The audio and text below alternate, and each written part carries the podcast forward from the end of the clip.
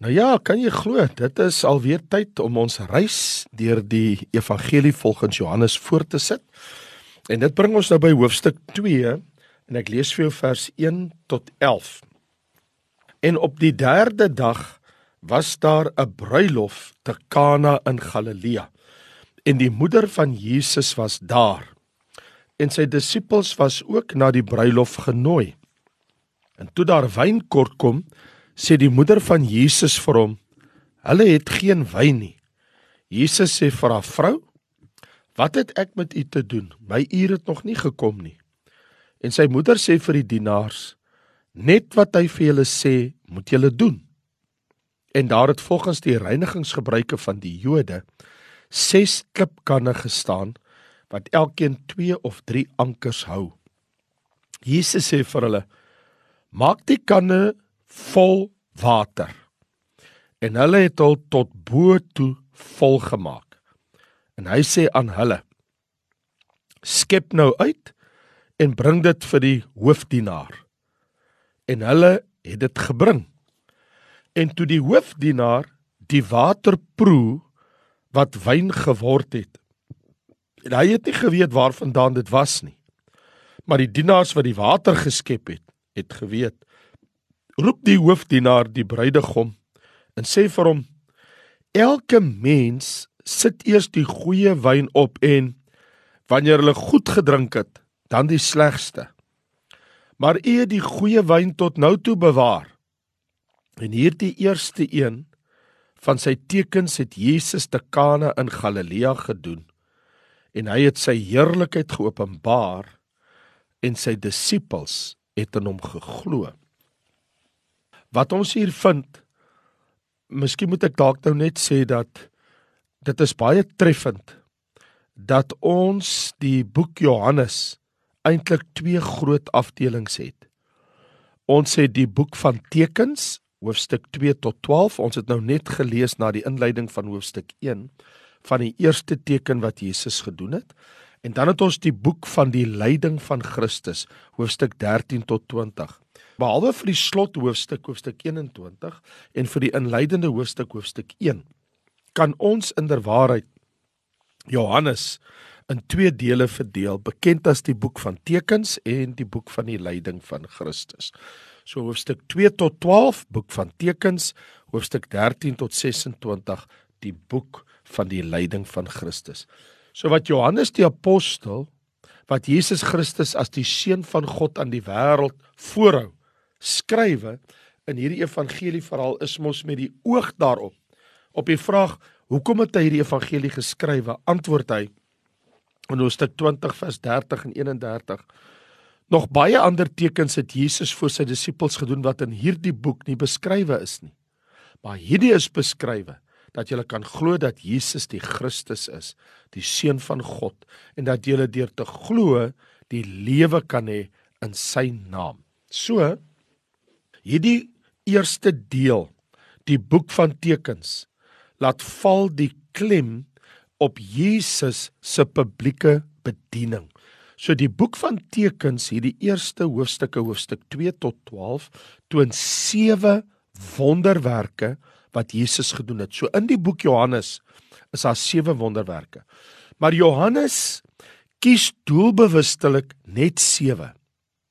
Maar die sewe wonderwerke groei in statuur. Ander woorde, elke opvolgende wonderwerk is groter as die vorige een. Is jy by my? Sewe wonderwerke en hulle word al hoe groter en al hoe kragtiger, al hoe sterker hoe verder ons gaan. En nou kyk ons, en dis waar ek nou vir jou gelees het, na die eerste wonderwerk die eerste van 7. So in die boek van tekens, hoofstuk 2 tot 12, 7 tekens. Ons is nou by die eerste een. Nou die twee uitstaande sake wat Johannes hier aantoon by die bruilof of die troue te Kana in Galilea is die volgende. Daar's 'n probleem en daar's 'n oplossing. Die probleem wat ontstaan het tydens die bruilofsvieringe. Hy verduidelik vir ons wat is die probleem. En dan gee hy vir ons die antwoord, die oplossing wat die gebeure in Tekane in Galilea uitgespeel het. So hier is die probleem. Ons kyk eers na die probleem voor ons na die oplossing kyk. Die probleem is, so lees ons in vers 3. En toe daar wyn kort kom. Ander woorde sê die moeder van Jesus vir hom, hulle het geen wyn nie. Nou dit was die bruid en die bruidegom se probleem met die bruilofsvieringe. Hulle het nie meer wyn nie. Daar kan geen feesvieringe plaasvind soos wat die Jode dit doen nie. In Johannes sien dit ook op 'n geestelike wyse in die sin van menslike ervaring sonder Christus. Hy sal eintlik ook vir ons iets wil sê. Lewe sonder Jesus Christus is soos lewe sonder wyn. Sonder die vreugde wat die wyn bring.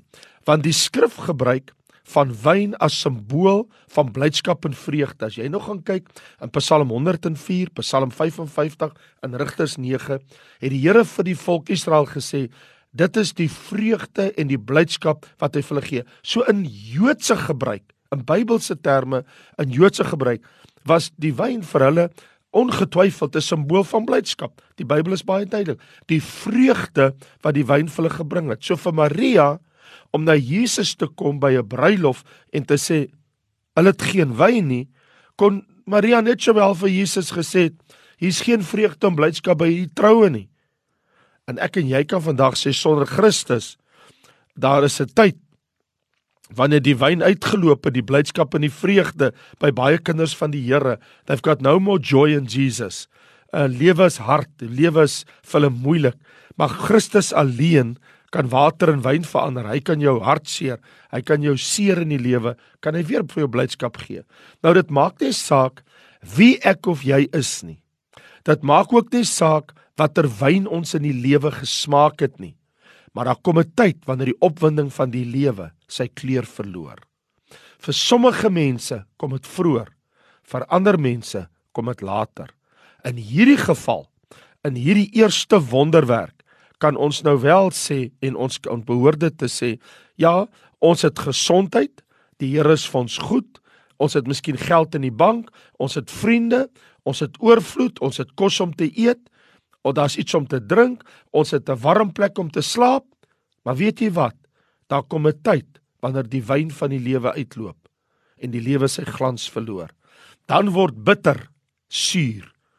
Dan veg sommige met die lewe en sommige gee op. Maar vir die twee, die bruid en die bruidegom daardie dag in die Bybel in Johannes hoofstuk 2 waar Jesus en sy disippels, sy vriende, na genooi was, het die wyn uitgeloop. Dit het te gou gekom.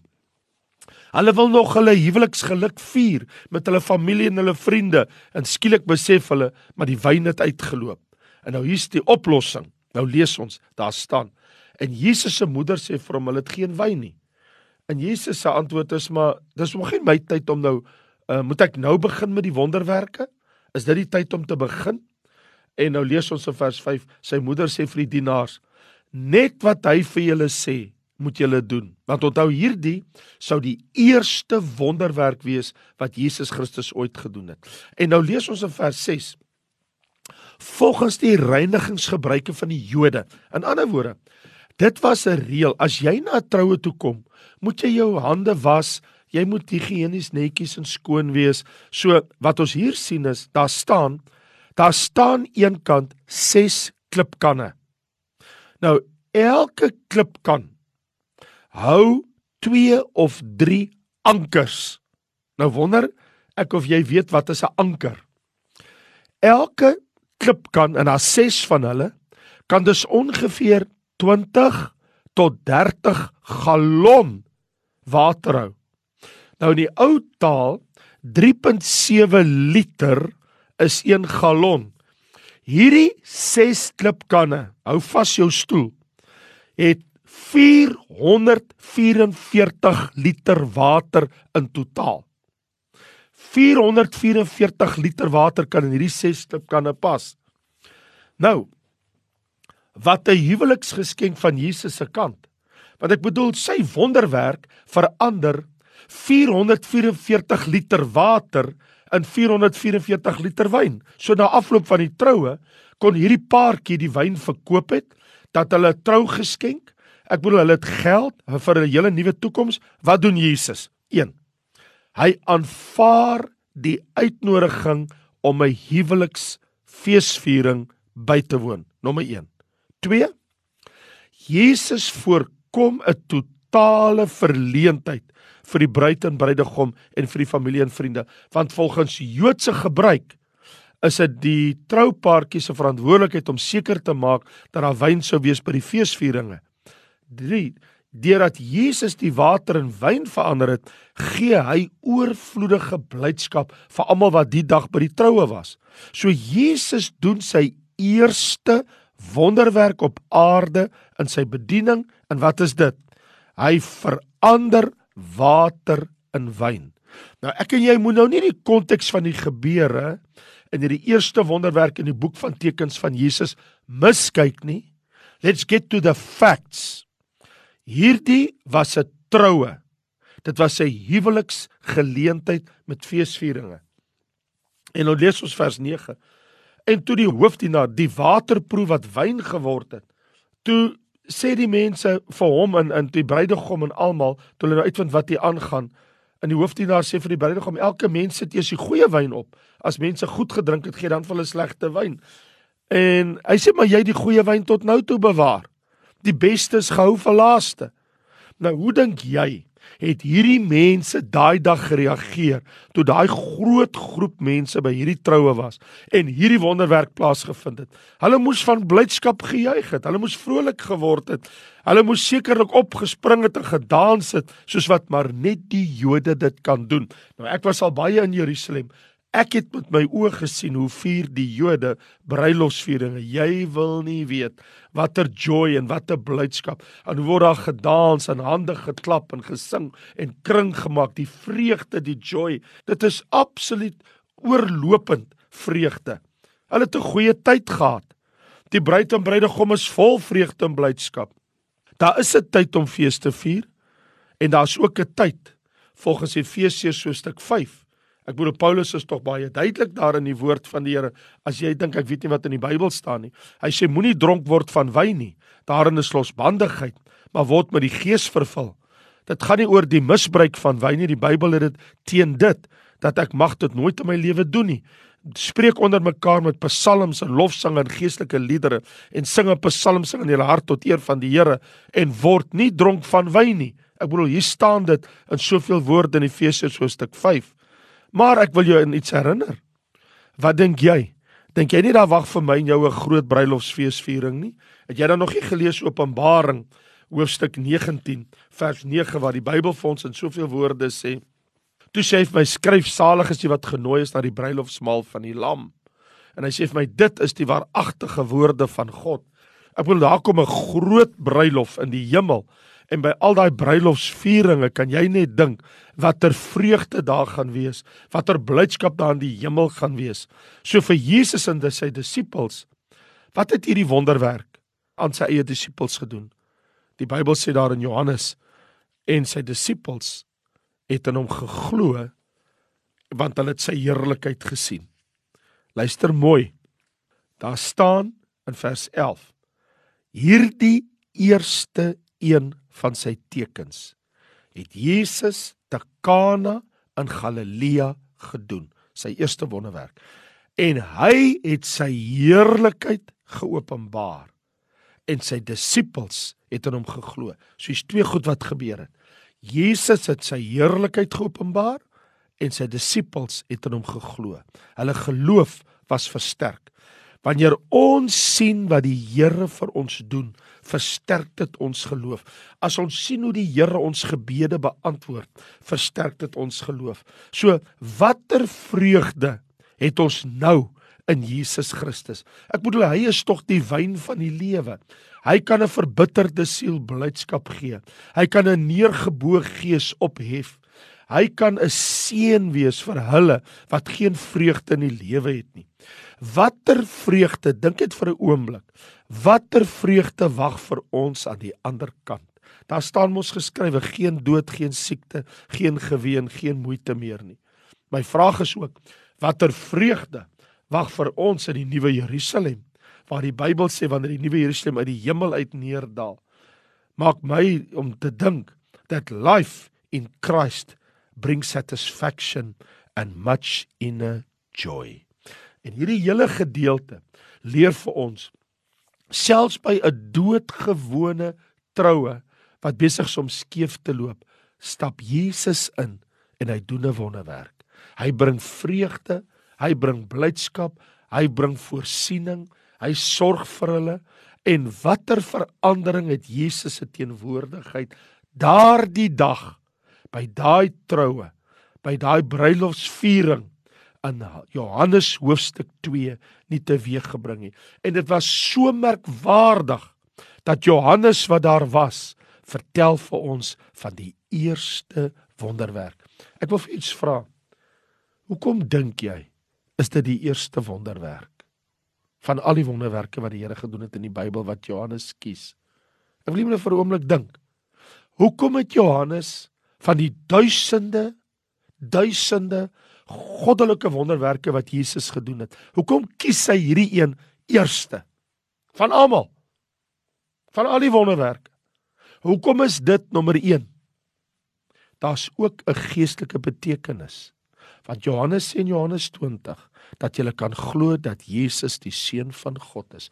Ek wil vir u sê, hier is 'n baie diep geestelike les hier te leer. Jesus is the joy of life. Hy wil vir jou vreugde en blydskap bring. Dit is wie Jesus is. He is our joy. Hy is ons blydskap. Hy is ons vreugde. Hy is ons heerlikheid. Hy is ons voorsiener. En weet jy daai dag toe hy daai 444 liter water in wyn verander het. Natuurlik het hulle almal dit mos nou nie daar opgedrink nie, maar dit wat daar oorgebly het, kan jy nou dink wat dit beteken vir 'n huwelikspaartjie dat ons het Jesus na ons troue toe genooi en kyk hoe goddelik en heerlik en wonderlik het hy vir ons voorsien. Dat nie net kon ons 'n wonderlike huweliksviering hê wat ons die res van ons lewe sal onthou nie, maar nog op die koop toe. Kyk hoe die Here voorsien vir na die troue, wat die Here voorsien het sodat ons ook daarna kan aangaan met ons lewe. En dis wat Jesus doen. Hy gee nie vir jou net wat jy nodig het nie, hy gee vir jou meer want dis wie hy is. Hy gee oorvloedig. Hy gee meer as wat jy nodig het. Joy overflowing. Die Bybel sê 'n maat ingedruk en oorlopend toe. Jesus wil nie met jou tande kners en elke sent net tel en dat jy in die trane druk het jou ooit dat jy absoluut niks het nie. As jy God maar net in Jesus se geleentheid in jou lewe gee, verander jou lewe so dat jy genoeg het om met ander te deel.